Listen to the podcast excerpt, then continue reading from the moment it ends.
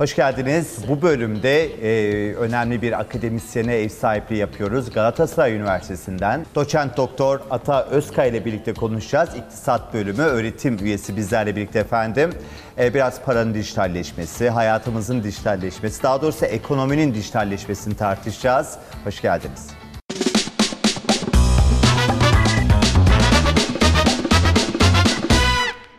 Ata Hocam öncelikle hoş geldiniz programımıza. Nasılsınız? Hoş bulduk. Çok teşekkür ederim Murat Bey. Teşekkür. Sizler nasılsınız? Bizler deyiz vallahi çok çok teşekkürler. Şimdi tabii birazcık böyle ekonominin dijitalleşmesi vesaire söyledim ama tabii bu çok kolay ve aslında çok da bilinen bir alan da değil.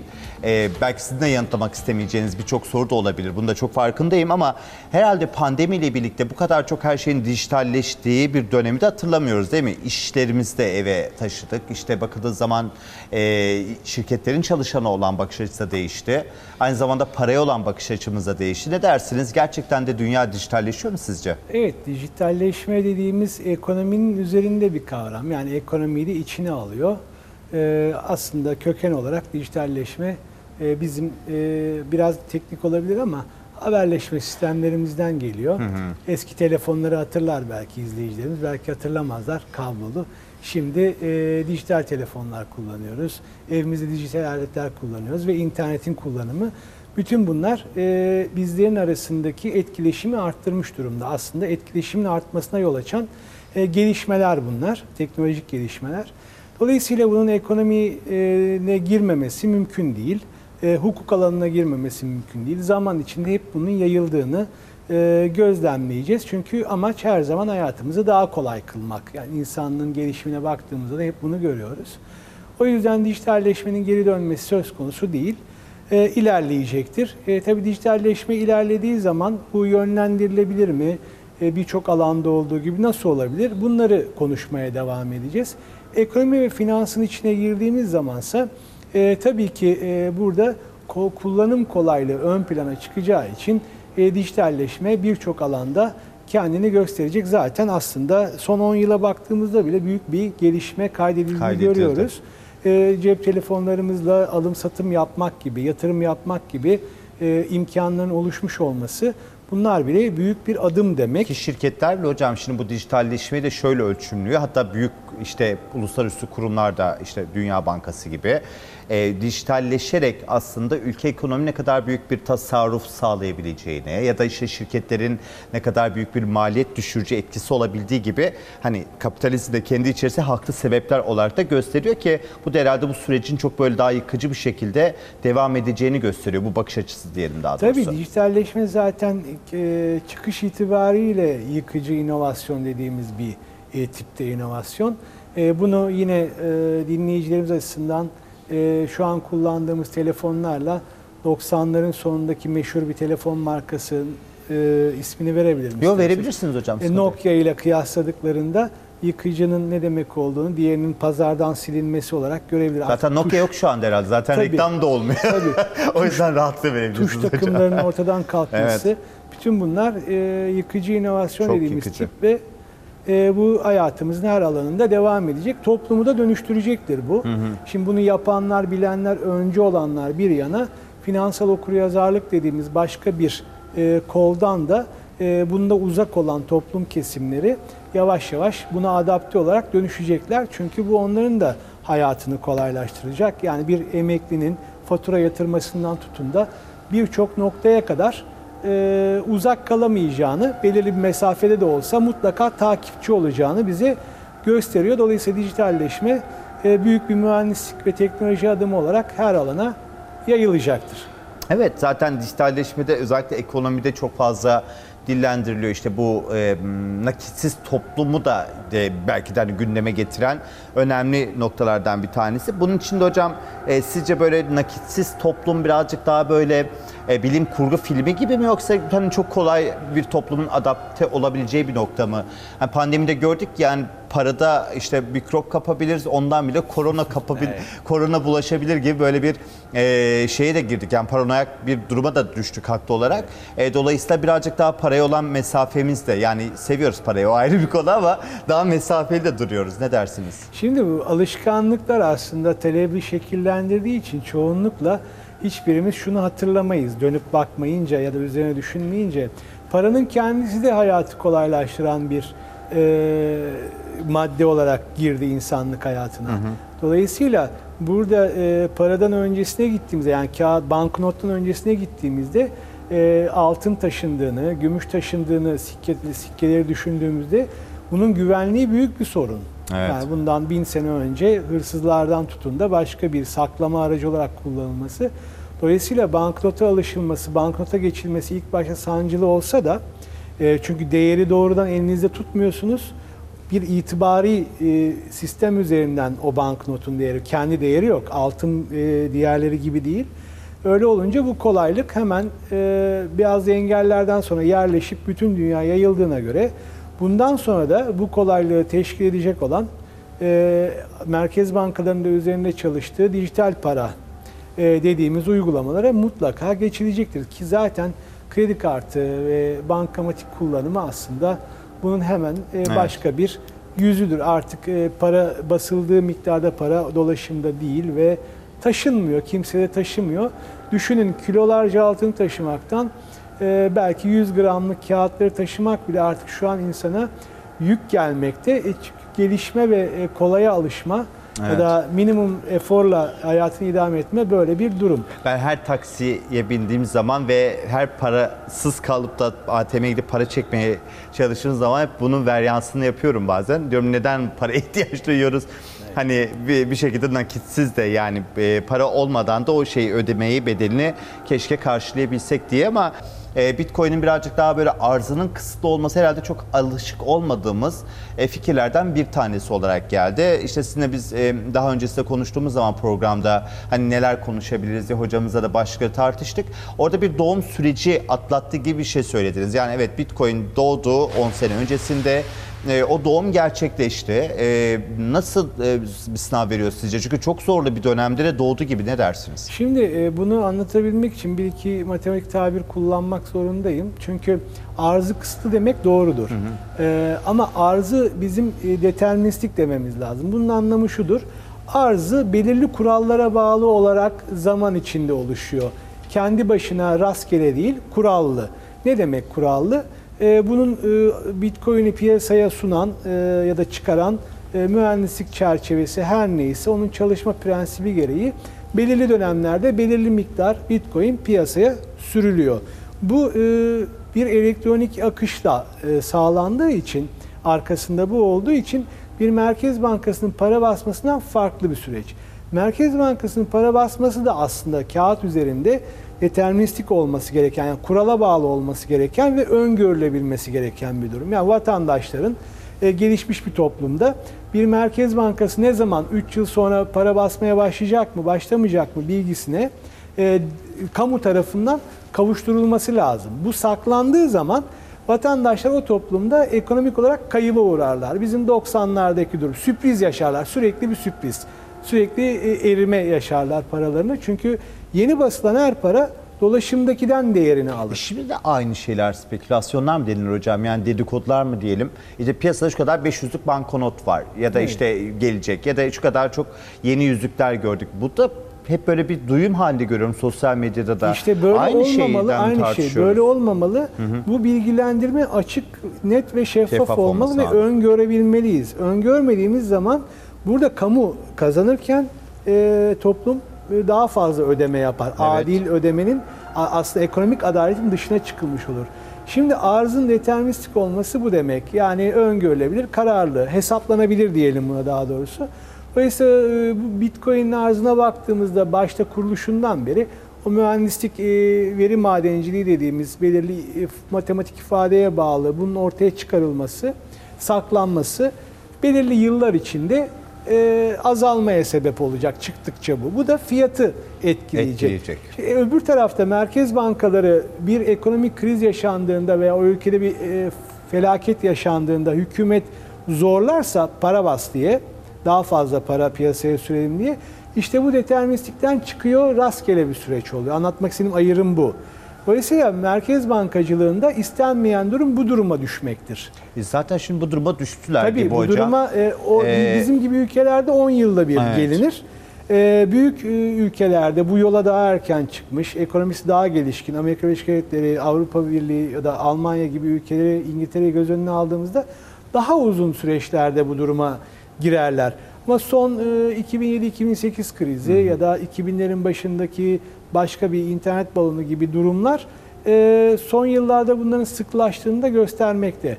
Dolayısıyla merkez bankacılığın bu durumu yani tırnak içinde bir miktar e, hükümetin keyfiyetliğini içeriyor olması e, Bitcoin'de yok. E, orada arzı belirgin. Yalnız orada da şu problem ortaya çıkar. Bir belki bir sonraki sorunuz olacak. Bunu talep eden kişiler e, finansal okuryazarlık gereği bunu bilmezlerse, ne zaman arz edileceğini bilmezlerse o fiyat düşüşü esnasında buna yakalanıp e, bunun iyi bir yatırım aracı olmadığını yeni başlarken Aynen. bundan yüz çevirebilirler. Buradaki sorun bir tanesinin uzun dönemli bilinen e, keyfiyete sahip olması her ne kadar mümkün olduğu kadar kurallara bağlı yönlendirilse de Amerikan e, Merkez Bankacılığı'na örnek verebilirim. Yine de içinde keyfiyetin olması. Diğerinin keyfiyet olmaması ama bunun henüz e, bilgi olarak yatırımcılar tarafından kanıksanmamış olması. Bu e, dalgalanmanın devam edeceğini bize gösteriyor sadece. Ötekinde yok mu? Ötekinde de var. Çünkü bu ötekinden bağımsız değil. Bitcoin'i e, şöyle değerlendirebiliriz. İlk çıkan o olduğu için böyle bir değerlendirme yapabilirim. Finansal sistemin ürünlerinden birisidir. Finansal sistemde e, altın, gümüşten itibaren banknot ve tahvil, hazine bonosu gibi birçok finansal ürün üretmiştir. Bir anne gibi düşünülürse. Dolayısıyla en son ürünü de Bitcoin'dir ve devam edecektir bu doğurganlık. Buna bu bakış açısıyla bakmak gerekiyor değil mi hocam? Yani sonuçta günümüz şartları, ekonomiler değişiyor, siyaset değişiyor, insan değişiyor. Dolayısıyla onun beklentilerine uygun finansal ür- ürünler de çıkarılabilir değil mi? Çıkması- yani bu sadece gerekiyor. tahvil oldu Evet. ve artık tahvilden sonra bir şey çıkmayacağının bir garantisi yok, Yok değil mi? çünkü Evet. bunu çıkararak ayakta kalıyor. Ayakta Aslında sistem, e, evet. bu nokta e, önemli. Yani bunu çıkarmayalım e, finansal sistem e, daha iyi, sağlıklı yaşar değil. Bu kendi işleyişidir. İşleyişi. Yoksa kontrol etmeniz gerekir. O da kontrol sistemlerin çöktüğünü biliyoruz. Yani onları Evet. yaşadık. Dolayısıyla finansal sistem bunları üretecek. karmaşıklığı artacak. Bu ürünler çıktıkça karmaşıklığı büyüyecek. Krize de o karmaşıklık sebep olacak. Dolayısıyla yeni ürün üre- üre- üremesi, karmaşıklığın büyümesi ve krizin gelmesi bir döngü halinde devam edecek. Gerçi bu hocamızın bahsettiği halving yani bu ödül yarılama işte madencilerin işte 4 yılda bir e, bu e, şeyi organizasyonu diyelim sondakinde birazcık çok etkilemedi hocam. Orada bir izleyicimizi bilgilendirmek lazım. Çünkü o dönemin şartlarında pandemi vesaireyi de çok tartışmıştık. Tabii. Öncesinde Onu- o yüzden biraz koşullar da önemli. Abi Bunun onu gerçekleşmesi için. lazım. Evet. İsterseniz ekleyelim onu. Evet, evet. Yani talebi veya henüz fiyata gelmedik dikkat ederseniz. Hani bilgi anlamında toplumun bunu anlaması, buna talep Evet. göstermesi bunun ortalama bir talebinin olmasını gerektirecek. Ortalama bir talep yerleştiği zaman altında nasılsa ortalama bir talep olduğunda bunda da öyle olduğunu ileride gözlemleyeceğiz. Ama e, günlük ya da aylık e, değişik olayların buna yansıması ortalama talebin oluşmasını Nasıl? uzatabiliyor. Evet. Koronavirüs salgını buna hizmet etti. Dolaylı olarak merkez bankaları fazla para bastığı zaman bu fazla para bu alanlara yöneldi ve biz çok yüksek fiyat hareketleri gördük. Hocam önemli şeyler söylediniz. Ben de bu arada hocamızı dinlerken böyle satır aralarında başka sorular da sormak istiyorum izninizle. Ee, tabii işte bu e, yani Bitcoin'in kendi içerisinde ayrı bir grubu da var. Yani sırf sadece belki bundan e, haberdar olan ya da bunun bilincinde olan bir yatırımcı kitlesine hodl dediğimiz bir mantık da var. Yani ne olursa olsun fiyatından bağımsız düşse de çakılsa da ya da yükselse de bitcoinlerine sahip çıkın gibi mantığı var. Burada herhalde o arzının kısıtlı olması da böyle bir felsefe ve reaksiyon da e, getiriyor mu sizce? Evet arzının kısıtlı olması zaten değerinin belli bir miktarın altına düşmeyeceğine dair e, eğer talep e, çok anormal şekilde ortadan kalkmazsa e, bize söylüyor. E, arzını da belirleyen e, veri madenciliği yapan mühendislerin buradaki ödülü olduğu için Evet. e, bu da onların yani veri madenciliğini ortadan kaldırmanız lazım. E, Bitcoin gibi ürünlerin ortadan, Ortadan kalkması. kalkması Dolayısıyla için. bu şu an için artık Evet. mümkün değil. Bitcoin'i çok güzel özetlediniz. Dönemin ihtiyaçlarına, aslında dönemin şartlarında kendiliğinden değil de gerçekten şu anda bir ihtiyaç olduğu için çıkarılmış ve bir ürün. E, tabii insan da değişiyor. Bilgisi, öğrenimi değil mi? Evet. Oldukça değişebilen bir varlık. E, merkez bankalarının az önce Datplot, e, da- Datcom özür dilerim Datplot Merkez Fed'e gittim ve Datcom krizi gibi e, krizler yaratabildiğine de şahit olduk. Şu anda yaşadığımız konut fiyatlarının bu kadar çok artması e, bir, bir nebze bu politikaların bir sonucu gibi düşünebilir miyiz? Gerçi hani Fed sonuçta bu politikayı silahını e, çok hani sınırsız bir şekilde kullanma hakkına sahip. Biz bunun biraz faturasını ödeyen taraftayız ama Türkiye'de ve dünyada da konut fiyatları çok ciddi artıyor. İngiltere'de keza öyle, Avrupa'da öyle. Büyümeler düşüyor. E, ilk defa sizce e, sınırlı bir şeyle ekonomi e, yeniden inşa edilecek mi yoksa hep sınırsızlık üzerine, sınırsız bir talebin üzerine kurulu ekonomi dizayn devam mı edecek? e, sınırsız e, isteğin üzerine kurulu düzen tanımı zaten o devam edecektir. Onun değişmesi yani kapitalist ekonominin e, başka türlü şekillenmesi çok zor Biz gözüküyor. yine sonsuz talep etme hakkına sahibiz. Evet E, ama hümanist, bunu e, açık- hümanizm. açıklamamız lazım. Bu Evet. ne demek? Yani sonsuz talep etmemize bir kişinin sonsuz ürün talep etmesi mi, istemesi mi? Yoksa nesilleri düşündüğümüzde onların toplam talebinin sonsuza varıyor olması mı? Bu o açıdan. bu ikinci dediğiniz daha Tabii böyle ki havalı bir cümle olduğuna göre Evet. doğru olan. Yani e, biz bizden öncekiler de ısınma ihtiyacına sahiptiler. Talep ediyorlardı. Biz de bizden sonrakiler Hmm. de. Peki bu kadar nesli ısıtabilecek enerji kaynağımız nerede var dediğimizde işte sınırlı. Dolayısıyla bir kişinin ısınması sınırsız değil. Evet. Kast, buradaki kasıt nesiller boyu olarak da düşüneceğimiz bir durumdur.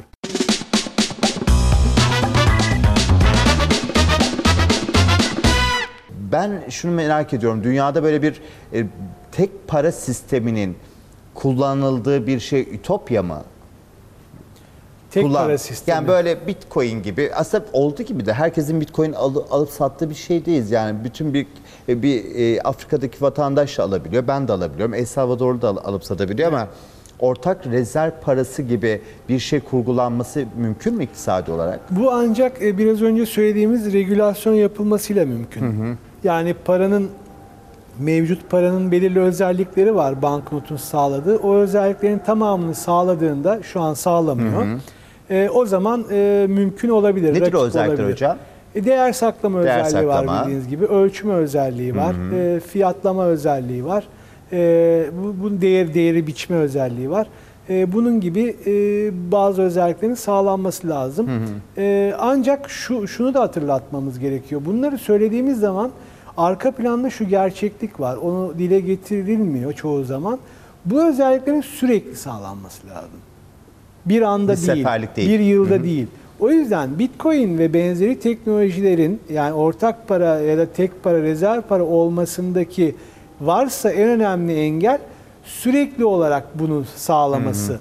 Çünkü belirli dönemler insanlar bunu çok talep ettiğinde koronavirüs salgınında gördüğümüz gibi paraya yaklaştı özellikle sağlama konusunda. Ama o sürekliliği henüz temin edemedi. Bu ancak arkasında bir e, regülasyonun, bir kurumun, devlet gibi büyük bir kurumun olmasıyla mümkün.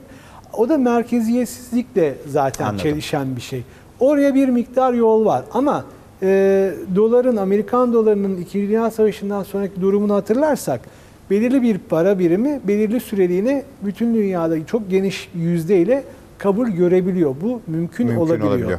Ee, birazcık da belki e, bu son biliyorsunuz yaşananlardan sonra FTX'in biliyorsunuz hocam batmasından sonra belki bu regülasyon, takas ve saklama gibi bir şey de merkeziyetsizlik fikrine karşı bile hani olması gerektiğini e, ve gündeme de getirebilir. Belki bu süreci de hızlandıran bir sebep olur. Kim bilir? Evet, merkeziyetsizlik dediğimizin ne kadar merkeziyetsiz olduğunu bilinmesi gerekiyor. Bu özgürsün ama ne kadar özgürsün Ama ne bu, kadar. bu, bu çok normal. Çok normal, Çünkü tabii ki. bankalar, banknotlar ilk çıktığında da ilk yaşanan krizlere baktığınızda oradan alınan derslerle bugüne gelir. Orada aynen. da bir sınır konmadığında e, birçok e, işte Lale ya da Evet. Mississippi'deki arazi gibi birçok krizler bir, bir anda yüksek talep e, ve bundan faydalanan bazı yatırımcıların olması manipüle eden ki bunu coinlerde gördük biz Twitter'da manipüle edildiğini bazı büyük isim vermeyeyim yatırımcıların.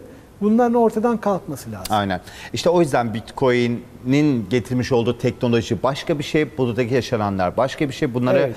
başka gözle bakıp inanırsak ya da yorumlarsak çok daha farklı olabilir.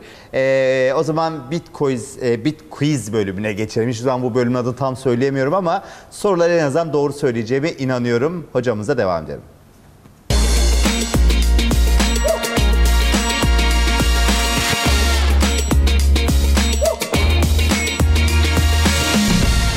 Hocam e, Bitcoin bölümüne hoş geldiniz. Burada böyle sizin yaptığınız gibi Galatasaray Üniversitesi'ndeki öğrenci kardeşlerimiz, arkadaşlarımıza zor sorular sormayacağız. Bir zor mu soruyorsunuz hocam bu arada? Yani e, Bence- biraz düşünmeye sevk etmek istiyoruz tabii ki. Böyle güzel anlatıyorsa bir hoca bilin ki zor sorar. Yani her şeyin bir maliyeti var derler ya hocam. Yani siz böyle güzel güzel anlatıyorsunuz, anlaşılır. Dolayısıyla da zor sormak hakkınız bence. Evet, yani zor demeyelim ona ama akılda kalıcı diyelim. Akılda kalıcı yani, yani bu soru e, okulda efsaneler arasında yer alıyor olabilirsiniz. Yani ilk defa Galatasaray Üniversitesi ekonomi bölümü tercih edecek olan öğrencilerimize de herhalde iyi bir şey olur değil mi hocam? E, tabii. E, tanışma fırsatı. Umarım faydalanabilirler bu yayından. Şimdi hocam çok böyle geleneksel bir adam değilsiniz. Çok belli. Hocamız böyle e, bir estetik anlayışı olan ve işte başka olaylara bak olaylara bak- bakıp farklı disiplinler e, de okuduğunu belli sizden. Düğünlere gidiyor musunuz hocam? Düğün Düğün böyle hani düğün oynuyorlar, Çok- gelin çok- oluyor, damat oluyor. nadir, çok nadir gidiyorum. Yani burada hatta en son geldiğim gün burada 8 sene önce falan Burada değil bir mi? arkadaşımın düğünde. Evet. Bizim mekan da böyle oluyor. Yani her çağırdığımız konuk diyor ki en son bir düğüne katılmıştım ama burada düğün de oluyor. Evet ödül töreni de oluyor. Evet, doğru, Ve bizim programımız da çekiliyor. Çok güzel bir yer. Ee, şimdi hocam düğüne gittiniz. Ee, düğünde şey diyorlar e, hediye olarak e, bitcoin takar mısınız böyle geline damat ya da takı takar mısınız yani? Takı evet e, takı takıyoruz bazen de bağış yapıyoruz. Bu evlenen çiftin nasıl bir e, bakış açısı olduğuna bağlı, bağlı dünyaya. O yüzden ikisini de kullanıyoruz. Bitcoin takar kendileri mısınız adına. hocam? Bitcoin'i henüz e, bunu değerlendirmedim, düşünmedim. Hocamız öncelikle bir e, şey e, var mı? Al- kendinize aldınız mı yoksa Bitcoin hesabı henüz açmadım. Ha açmadınız tamam. Ee, hocam şimdi bir de size şunu sormak istiyorum. 1000 TL'niz var. Evet. Ee, bir pa- para ödemeniz gerekiyor. Ee, o 1000 TL'yi mi önce harcarsınız? Cebinizde duruyor. Bir de 1000 TL'lik bitcoininiz. Aksi takdirde 1000 TL'lik bitcoininizi satmanız gerekecek. Hangisini ilk şey yaparsınız? Düşünürsünüz. E, bulunduğum yani zamana bağlı açıkçası. Çok böyle şey bir ödeme yapmanız lazım. Örneğin eşinizin doğum günü pasta alacaksınız. O anda pastayı yaptırmışsınız ve arabada sizi bekliyor. E, Şoförünüz- şu an için Heh. bir pa- parayla parayı kullanırım. 1000 TL'ye direkt verirsiniz. Evet şu an için öyle. Çünkü Acil. şu an için paranın değerinin e, neredeyse olmadığını biliyoruz. Evet. Bitcoin ise biraz önce konuştuk. Değeri şu an e, tam e, talep anlamında oturup oturmadığı konusuyla buna karar vermek gerekiyor. Dolayısıyla şu an banknotu harcamak bence daha iyi fikir olur. Ee, o zaman ee, hocam bir de son olarak da dedenizi anlatmak isteriz. Bilmiyorum hayatta mı dedeniz ama ee, ya da yaşça büyük birisine işte bitcoin'i aldırmak istiyorsunuz. Onu nasıl ikna edersiniz? İkna etmenize gerekiyor bu arada. Yani niye ikna etmesi gerekiyor onu da bilmiyorum ama böyle bir misyonunuz var. Yani Çok zor olur yani e, bunu da henüz düşünmediğim Hiç için. ders anlatır gibi anlatmamanız lazım hocam. Onu önceki söyleyeyim şey Evet. dede uçabilir yani. Çok çünkü riskten kaçınma eğilimi olur. Evet. Özellikle yaşlılarda. Hele bizim gibi toplumlarda yani çok fazla kriz yaşamış toplumlarda e, o yüzden çok zor olur onu anlatmak. Değerin neye göre değiştiğini anlatamayacağım. Yani, yani şu an için anlatmam çok zor. O yüzden bunu düşünmem gerekecek. Aynen. Ben şey de derdim herhalde. e, Yani onun anlayabileceği dilden işte altınla çok benzeştiriliyor ya. Evet. Artık altın işte dünyada kaynaklar tükendi.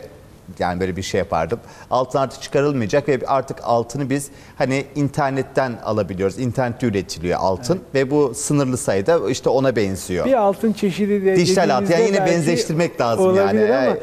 Kendi arkadaşlarıyla konuşursa onlar ö- o, öyle olmadığını söyleyince vazgeçecektir. Evet. Kendi arkadaşları da nasıl arkadaşlarsa yani böyle bir şeyde bilgi sahibiyseniz yani dedem zaten çoktan almış olması lazım. Aslında altın için onu ben de söylemek isterim. Onu e, dile getirdiğiniz iyi oldu.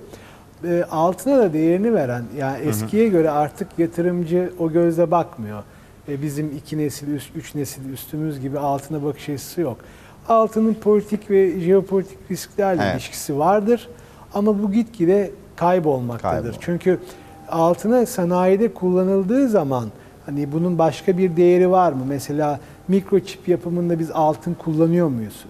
E, talep olacak mı ileride dediğimizde bu soruların cevabı yok. O yüzden altını yine merkez bankaları alarak ellerine tutarak ve bunu haber yaparak değerini Evet. e, yüksekte tutmaya çalışıyorlar. Yoksa Bitcoin altın benzeştirmesi ileride daha çok yapılacak ve bu doğru bir benzeştirme İşte bu olacak. esprim iktisadi olarak da doğruymuş. Bunu da ispatlamış oldum. Noter tasdikli. Hocam şey diyorum böyle e, siz bunu tas- e, onaylayınca gerçekten de doğru bir espri yaptım düşüncesi vardı. Şaka bir yana çok teşekkür ederiz. Ben teşekkür ederim. Ee, öğrencilerinize e, sevgi ve selamlarımızı iletiyoruz. Hocanızı düzgün düzgün dinleyin. Hocam siz de birazcık fazla 5 puan verin öğrencilere fazla. ne olacak yani?